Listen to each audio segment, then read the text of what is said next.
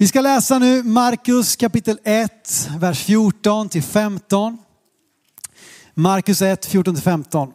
Så hoppar vi rätt in i storyn här. Det står så här. Efter att Johannes hade blivit fängslad kom Jesus till Galileen och förkunnade Guds evangelium. Han sa, tiden är inne och Guds rike är nära. Omvänd er och tro på evangeliet. Tiden är inne. Rubriken för min predikan idag är Tänk om det är Guds tid. Eh, för drygt en månad sedan hade vi framtidssöndag. Det är alltid roligt att kalla, kalla söndagar någonting speciellt. Så vi hade framtidssöndag eh, och idag har vi visionssöndag. Och framtidssöndagen hade jag en rubrik som var Tänk om det är rätt tid. Och idag så vill jag fortsätta på det temat med att tala Tänk om det är Guds tid. Eh, och förhoppningsvis så är det samma sak tänker jag. Men i alla fall. Det är så här att i grekiskan som så ofta så finns det ju ibland flera ord för det som svenskan kanske bara ett ord för. Så är det också med tid. Tid har åtminstone två ord på grekiska. Det ena är kronos, det känner vi igen. Kronologi, att det följer en kronologisk ordning. Att tiden som är liksom kronologisk, det är helt enkelt någon slags kvantitativ tid, den tiden vi kan planera för. Okej, okay, jag ska gå och lägga mig i tid, jag ska gå upp i tid förhoppningsvis, jag hinner borsta tänder så jag hinner komma till jobbet eller till skolan. Eh, vi har en kronologisk tid helt enkelt. Men det finns ett annat ord som eh, också betyder tid och det är kairos. Och kairos, det betyder det rätta, det kritiska eller det lämpliga tillfället. Alltså fokus på om det är rätt tid snarare om det är som planerat, förväntat eller kontrollerat. Jag menar kronologisk tid, det tänker vi, det kan vi planera. Okej, okay, när ska vi, när, hur ska vi få ihop släkten här? Det kan ju vara ett av de största problemen. Eller för att inte tala om liksom typ så här ledningsmöten och så ska alla ta upp sina kalendrar. Så ska man försöka synka våra kronologiska tidsaxlar och det kan vara besvärligt. Men Kairos handlar om det rätta, kritiska eller lämpliga tillfället. Om du vill kan man kalla det för kvalitativ tid. Alltså rätt kvalitetstid så att säga. Och väldigt ofta i vår bibel när det bara står tid i Nya Testamentet så är det just kairos.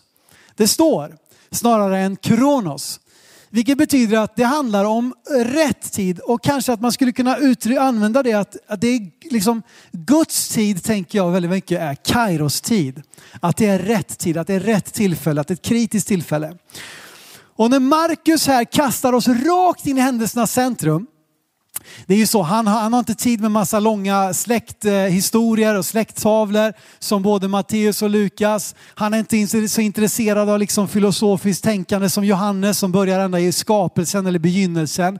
Utan han vill bara pang på, rätt in i berättelsen, rakt in i evangeliet. Och när han har kommit till kap- eller vers 14 eller vers 15 så säger han det som det drar till kapitel 4. För Matteus så kommer fram till samma tidpunkt, nämligen att han ställer sig upp Jesus och förkunnar att eh, eh, tiden är inne, Guds rike är nära.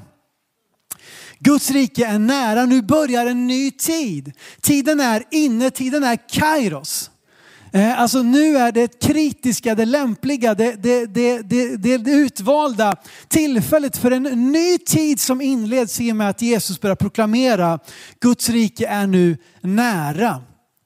Och i och med Jesu död på korset, uppståndelse på den tredje dagen och pingstdagen med andens liksom liv som blir givet till alla troende så inleds en ny tid.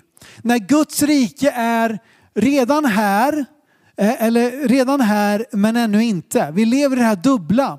Gud har upprättat någonting här på jorden. Han har upprättat sitt rike genom sin församling, genom sitt folk så finns det redan nu tillträde till Guds rike. Genom tron på Jesus så får vi tillträde till det. Och vi väntar också att Jesus ska komma tillbaka för att upprätta det i full kraft och i all sin härlighet.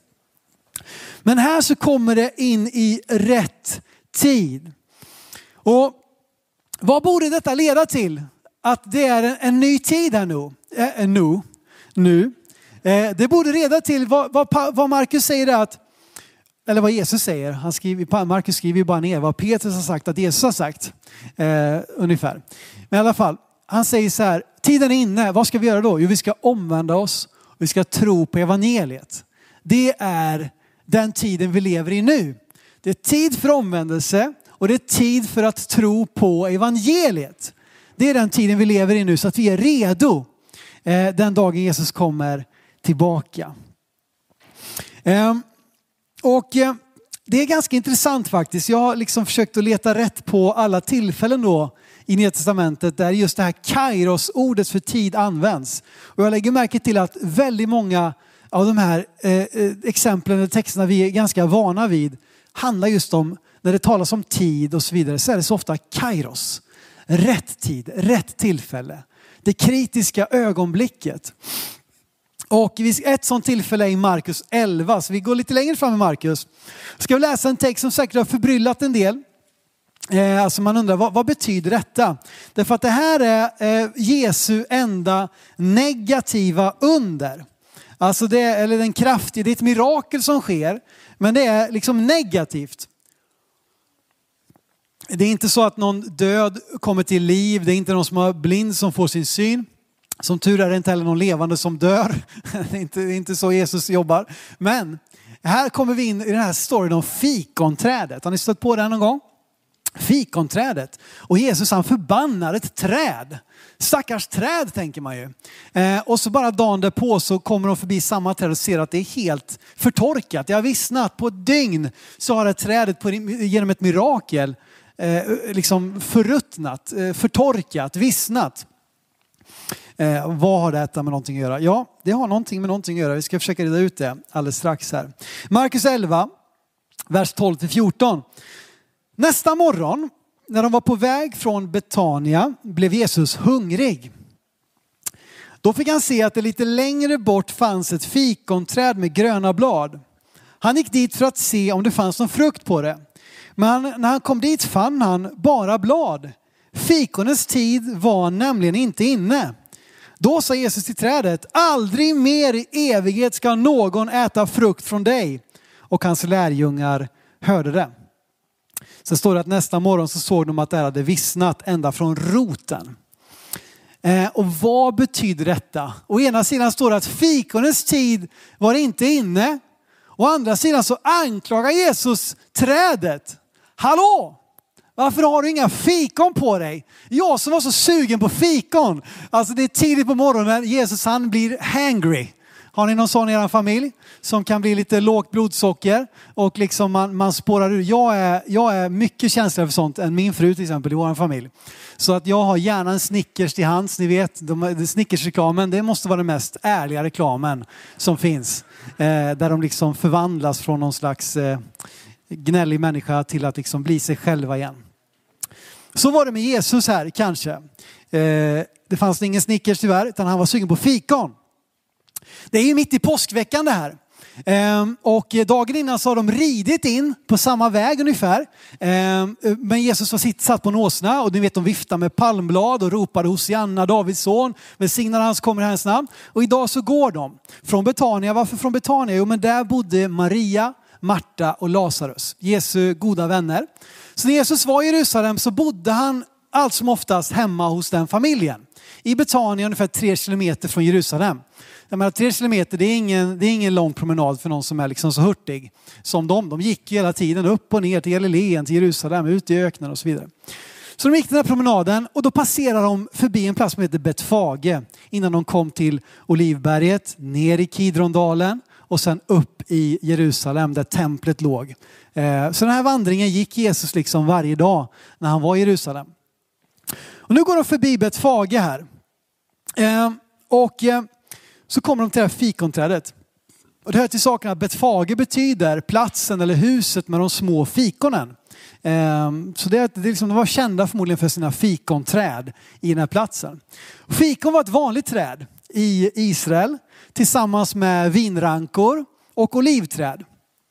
Fikon var ju också nämnt som ett av de träden när, när spejarna kom tillbaka från det heliga landet, eller utlovade landet. Eh, och kom de tillbaka och talade om vad de hade sett. Så är fikon ett av det som nämns om överflödet i landet. Att det fanns fikonträd där. Mm, vad gott med fikon. Eh, så det här var liksom eh, ett speciellt eh, eh träd. Och tillsammans med både vinranka och olivträd så är det också en symbol för Israel. Som ofta används i Bibeln. Ehm, och inte minst så brukade man pressa dem samman till smarriga fikonkakor. Och det speciella nu med fikonträdet det är att frukten kommer före bladen. Så att det första, alltså de nya vår, vårlöven, innan vårlöven kommer eh, så kommer frukten först och sen kom det nya vårlöv Eh, som ju då var sådär gröna och härliga och fylliga. Och här nu så är det ju på vårkanten. Eh, och, eh, och förmodligen så borde det här trädet ha stått ut eftersom att Jesus såg, vi läste ju texten här, om de gröna bladen. Så han såg ett fikonträd som hade gröna blad, förmodligen stack det ut, det låg lite före kanske de andra fikonträden. Och Jesus vet ju att innan bladen så kommer eh, fik, alltså frukten, alltså kart. Ni vet vi kan ha äppelkart, plommonkart och allt sånt där. Fikonkart. Det kommer alltså före bladen. Och Jesus ser på långt håll, ah, ett grönt, ett grönt fikonträd, där måste det finnas kart. Och då var det så att den här karten, den brukade man äta. Eh, så att man kunde äta eh, fikonen tre gånger, eh, tre olika skördar. Först den här syrliga, gröna, lite, lite liksom, ja ni, ni, vet själva hur det smakar. Den åt man här på den här tiden, ungefär mars, april, vårkanten. Och sen, den bästa tiden för fikon, det var fram i maj, juni. När det var den rätta rätta tiden för fikon. Det var Kairos tid för fikon. Då är de sådär underbart härligt saftiga, fräscha. Men de har ännu inte liksom börjat bli lite sådär soggiga. Liksom. Och då hade man en tredje skörd, nämligen fram på höstkanten. Där man också kunde plocka fikonen. Men det var inte samma fina kvalitet som det var då i maj, juni. Så det fanns tre tid, tid, tillfällen att plocka fikon. Och nu är vi framme i den första kart tiden då, där man kunde gå och så såg man ett fikonträd med gröna blad, så bar det liksom löfte om att också ha frukt på sig. Är ni med? Eh, så nu börjar det klarna lite grann vad Jesus håller på med. Att han inte bara liksom orimlig, han, han går fram och förbannar ett stackars träd för att inte ha, inte ha fikon när det inte var fikonens tid. Det känns ju o, okaraktäristiskt för Jesus.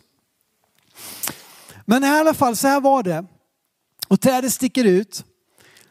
Trädet hycklar. Trädet visar en fin fasad men har ingen frukt. Det visar upp ett yttre som lovar, liksom bär löften om frukt men har ingen frukt. Och det är därför, om det bara var för att Jesus var lite hangry eller om det såklart säkert också har en starkare profetisk betydelse, säkert en kombination av båda så var alltså trädet visade upp en yta och framhävde sig själv också eftersom att det förmodligen stack ut bland de andra som fortfarande hade sina gamla torra tråkiga vinterblad på sig. Så sticker det här trädet ut och det försöker visa upp någonting som den inte har. Från den här platsen så går Jesus samma dag upp på tempelplatsen. Och det, dit går han ju, det är ju en otroligt viktig vallfärdshögtid. Kanske hundratusen människor har begett sig från hela medelhavsområdet, bor i tältläger runt hela Jerusalem i sluttningarna för att vara där och fira påsken på platsen där det verkligen är liksom tänkt att firas, nämligen i Jerusalem. Och centrum av centrum av centrum blir ju tempelplatsen. Det var en stor tempelplats och där uppe så var rabbinerna, de stod och undervisade i de olika pelargångarna. Och så visste man, okej, okay, det hörnet av tempelplatsen, där står de galileiska rabbinerna och undervisade. Det hörnet, där står saduceerna, de har den bästa platsen, för de är ju liksom de som är det judiska rådet. Här borta har vi fariseerna. Och så kunde folket gå upp dit, lyssna på undervisning och sen också då komma för att tillbe Gud därför att man har renat sig, kommit upp på tempelplatsen och var man jude behövdes fick man också gå in i templets yttre förgård. Där, eh, och, och, men var man hedning då fick man då nöja sig med den här stora öppna tempelplatsen som ju fortfarande syns idag, och du som har varit i, i Israel. Eller sett bilder där det står en gyllene klippdom idag. Där stod ju tidigare Salomon, eller eh, judarnas tempel. Jesus går upp där. Vad finner han där? Han finner att, att växlarna och, och handlarna som brukade hålla till utanför tempelplatsen. Därför att människor som kom vandrandes långt ifrån, de kunde inte komma bärandes på de djuren de behövde alla gånger för liksom, eh, att kunna offra till Gud. Utan de behövde ju ibland växla till sig pengar och det var en, det var en kommers här. De, de hade en speciell tempelkekel som de växlade till en dålig eh, kurs så att det blev dåligt för liksom det vanliga folket. Sen sålde de då duvor och, och får och andra djur som kunde användas till att offra inför Gud. Men de här som brukade hålla till utanför tempelplatsen, de har nu begett sig in och liksom tar över hela den här stora öppna tempelplatsen. Och där som det borde vara en plats för undervisning, för bön, där hedningarna kunde komma för att tillbe Gud, där var det nu kommers och folk stod och viftade och, och liksom höll på att ropa och det var liksom en, en, en, någonting oheligt. Och Jesus säger att det här skulle vara ett bönens hus, men ni har gjort det till ett rövarnäste. Och eftersom att han nu förmodligen har blivit ännu mer hangry så gör Jesus nästa sak som vi tycker kan vara lite okaraktäristiskt. Han börjar gå fram och välta växlarnas bord. Han går, det, går, det står att han går, det är med berått mod som Jesus gör detta. Han går och tillverkar sig en piska står det. Och sen så går han tillbaka och så liksom jagar han iväg de här handlarna. Han välter växlarnas bord och skapar kaos där uppe på tempelplatsen för att de har gjort det som skulle vara bönens hus till ett rövarnäste. Och Jesus gick också upp på tempelplatsen och sökte efter tecken på liv. Men vad fann han? Han fann fina fasader. Han fann ett felaktigt fokus. Han fann att man gjorde, liksom slog mynt, att man tjänade pengar på människors ärliga, uppriktiga längtan att bege sig den långa vägen till Jerusalem för att fira påsken. Det hade man gjort till att tjäna pengar. Och liksom det var en kommers där prästerna och leviterna ofta var i maskopi med handlarna. Och man liksom gjorde, gjorde sig rika på folkets bekostnad. De visade gröna blad. De visade ett fint tempel. De visade sina vackra kläder. De kom dit, man skulle vara där vid den tidpunkten. Då visar man, jag är en from jude, jag är i Jerusalem på påskveckan. Men det fanns ingen, ingen kart. Det fanns ingen frukt. Det fanns ingenting som kunde få växa till att bli mogen, livgivande, härlig och söt frukt. Och sen då nästa dag så passerar de förbi trädet och så ser lärjungarna detta att trädet har vissnat. Så vad kan vi lära av fikonträdet? Jag tänker så här, flera saker. Det är viktigare att bära små gröna kart som är syrliga och inte så häftiga än att visa upp en fin fasad i form av fylliga gröna blad som inte kommer kunna mätta någon. Om vi inte har små gröna fikonkart idag så kommer vi inte heller få bära rik frukt i framtiden. Utan redan här och nu, även om det är så att säga i en, i en begynnande stadie, även om det inte är nu vad vi drömmer om och vad vi längtar efter, även om vi inte nu säger att vi har väckelse, att det liksom är skaror av människor som kommer till tro, så måste vi se de här små gröna karten. Och inte vara så upptagna med att ha gröna fylliga blad som gör att man på håll ser ut som att ja, det var ju fint. Ja, vad de verkar ha det bra. Vilken ordning och reda det är där borta. Men när man kommer närmare och granskar på, när, på nära håll så finns det ingen tecken på frukt. Jag har ett ganska allvarligt budskap idag har jag insett. Men som sagt, när det då är Kairos-tid för fikonen. När det är Kairos, alltså du kanske inte hänger med på alla mina bilder här nu, men när det liksom är den tiden när Gud verkligen, så att säga, när det sker i full kraft. Jag tror att vi som församling måste vårda de små liksom skotten. Vi måste vårda de, de små tecknen på liv. Vi måste vårda dem ömt.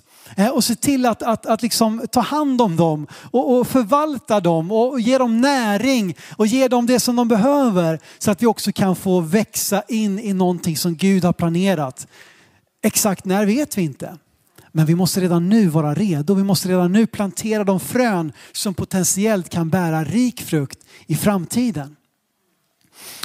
Och jag är lite rädd att vi som församlingar allt för ofta visar upp gröna, fylliga yttre, fina fasader, ordning och reda, ordning på torpet. Men när vi kommer närmare så finns det inget tecken på liv. Vi ska läsa vidare i Matteus kapitel 16. Vers 1-3. Som sagt, det är ett ganska, det är ett ganska uppfordrande budskap jag har idag, ett liksom allvarligt budskap, men jag tror att, att det kan man tycka, är det inte visionssöndag idag Simon? Skulle vi inte liksom bara klackarna i taket? Och det har vi ju vi förvisso redan gjort lite grann. Men jag tror det finns något allvarligt här med Guds tid. Rätt tid. Matteus 16, 1-3, det står så här, fariséerna sadukeerna saddukeerna kom fram och ville pröva Jesus och bad honom visa dem ett tecken från himlen. Han svarade dem, på kvällen säger ni det blir vackert väder för himlen är röd. På morgonen idag blir det oväder för himlen är röd och mulen. Himlens utseende förstår ni att tyda, men tidernas tecken kan ni inte tyda. Eh, tidernas tecken, Kairos tiden. Ni ser inte Ja, ni, ni, har en massa kunskap här liksom om, om, om horoskop och vad vet jag, alltså himlatecken. Eh, ni kan en väldig massa saker, men ni missar tidernas tecken. Ni missar vad Gud gör mitt ibland er.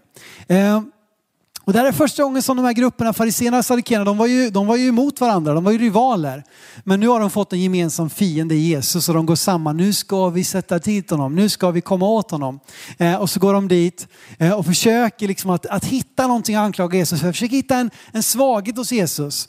Men som så alltid så vänder Jesus på frågan, han vänder på argumentet, han, han ser bakom fasaden, ser till hjärtat.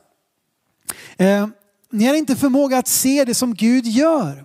Ni missar det som sker rakt framför ögonen på er. Och så många av de här saddukeerna och fariseerna hade ju liksom en masters degree. Liksom. De hade professurer i att förstå vem Messias var, vad, vad, vad Bibeln lärde.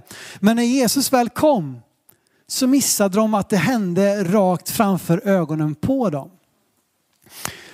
Och ibland när jag möter, jag, jag går till mig själv, men, men ibland när, jag, liksom, när man hör det samtalet som förs bland kristna och i kyrkan, så jag, lite, jag blir lite ledsen ibland när jag inser att vi håller på och diskuterar färgen på himlen.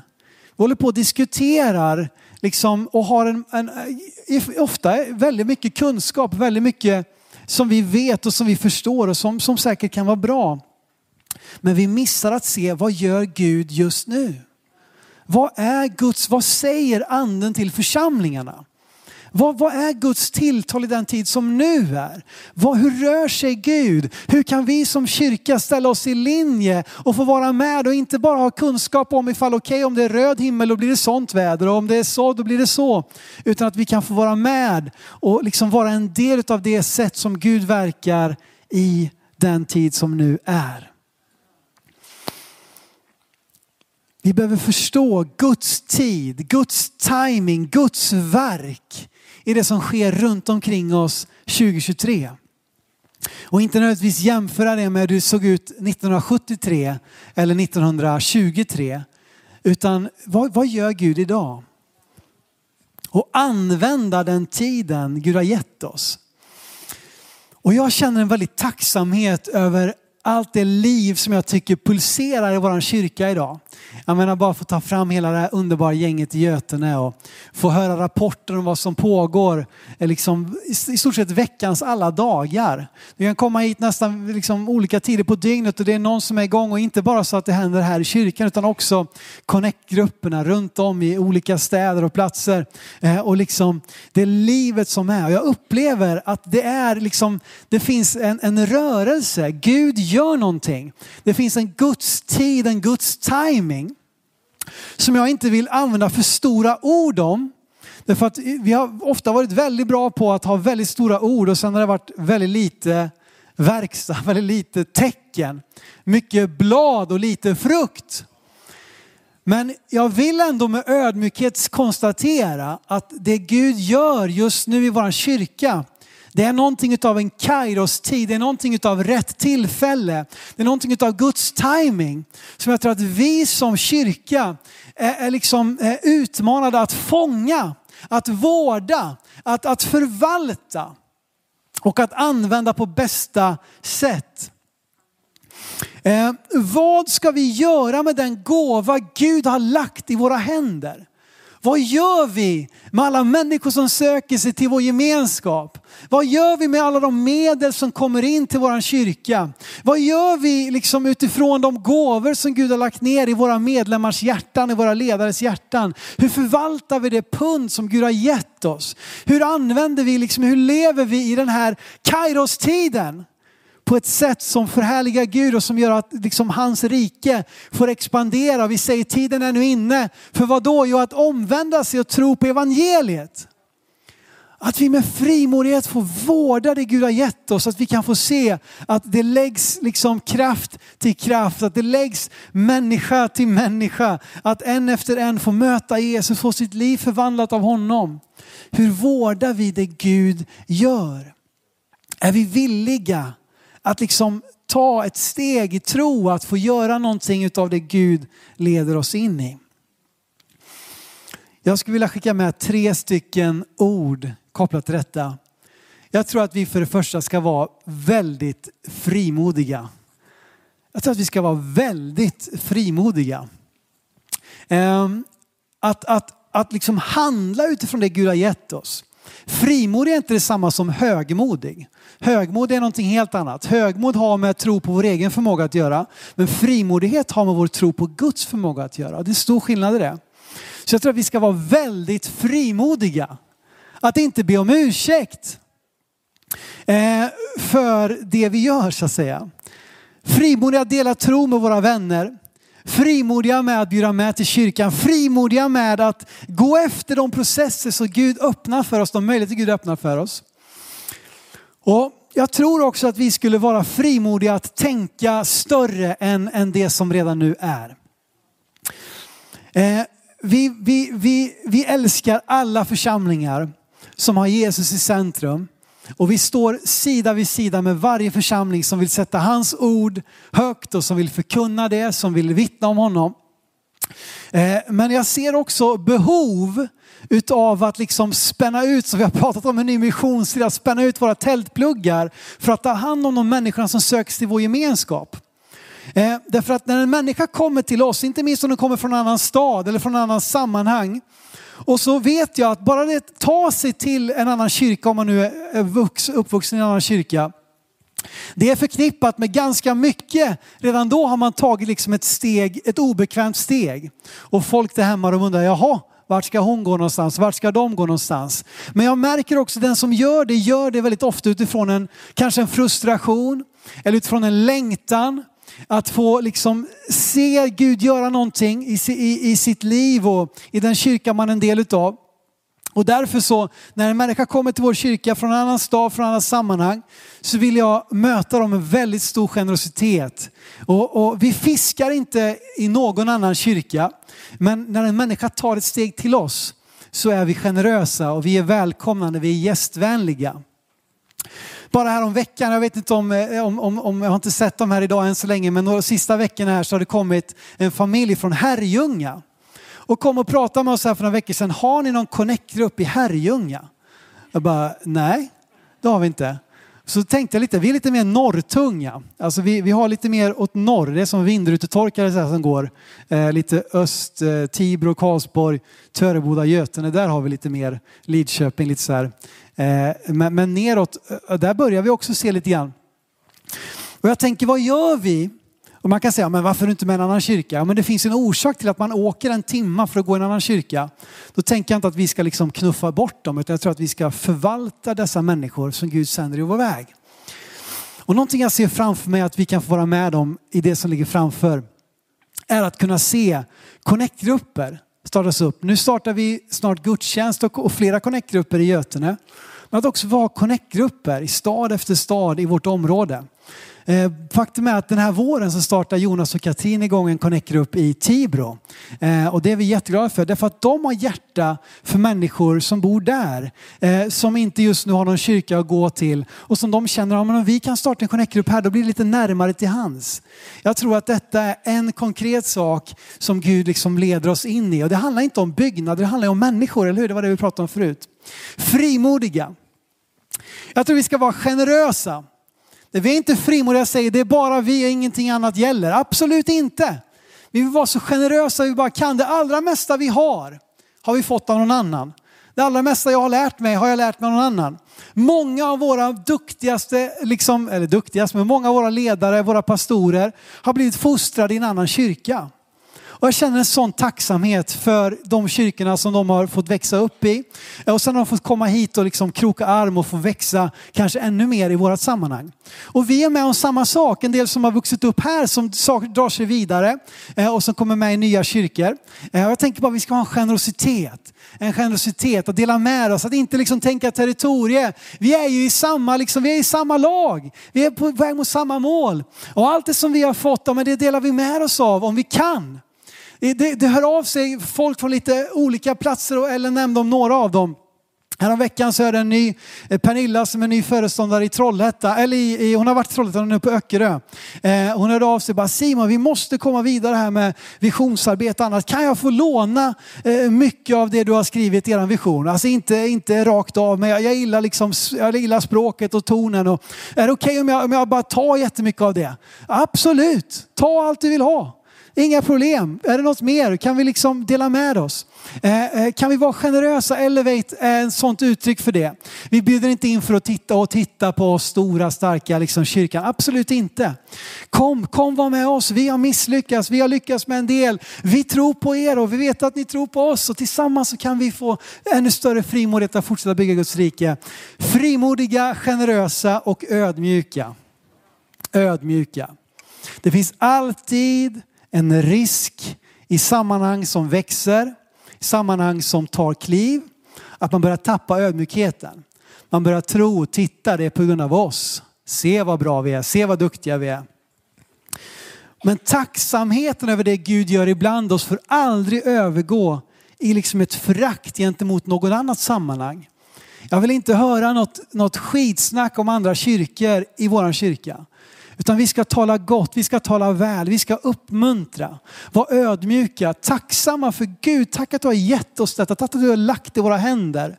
Hjälp oss att förvalta det på bästa sätt. Hjälp oss att vara frimodiga i det som vi upplever som en Kairos-tid, en Guds tid. Frimodiga, generösa, ödmjuka. Jag ska läsa från Romarbrevet 13, det sista här. Ytterligare ett sånt här Kairos tids bibelställe. Romarbrevet 13 och vers 11. Det står så här, vi har ett sammanhang här nu, det kommer ifrån vers 8 till 10 som talar om att älska vår nästa som oss själva.